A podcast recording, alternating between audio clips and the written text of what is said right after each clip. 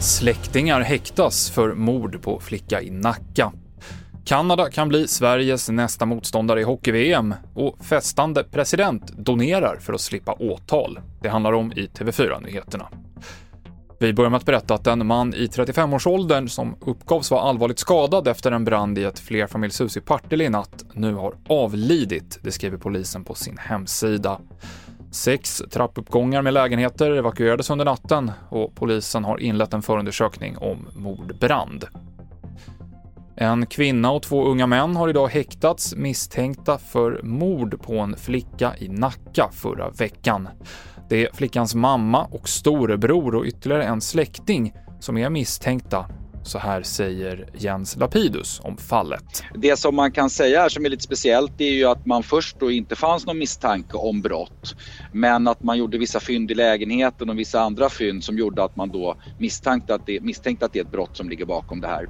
Eh, bland annat så ska en eh, mobiltelefon ha varit undangömd, flickans mobiltelefon och det ledde till misstankar om att man ville dölja helt enkelt innehåll i den här telefonen. Det andra man kan säga här är att en av de som häktas, inte den som häktades nu sist utan tidigare under dagen, bara eh, är 17 år gammal. Och eh, där är det ju speciallagstiftning för att man ska få häkta personer som är så pass unga. Och alla de tre som idag häktades nekar till brott. Vidare till något helt annat, nämligen hockey-VM. Sverige vann den sista gruppspelsmatchen idag mot Lettland med 1-0 efter mål av William Nylander. Under kvällen så avgörs det vilka Sverige får i kvartsfinal. Det kan bli Danmark, Kanada eller Slovakien. Under coronapandemin så bröt Argentinas president Alberto Fernandez mot restriktionerna i landet genom att anordna en födelsedagsmiddag för sin partner något som man fick hård kritik för.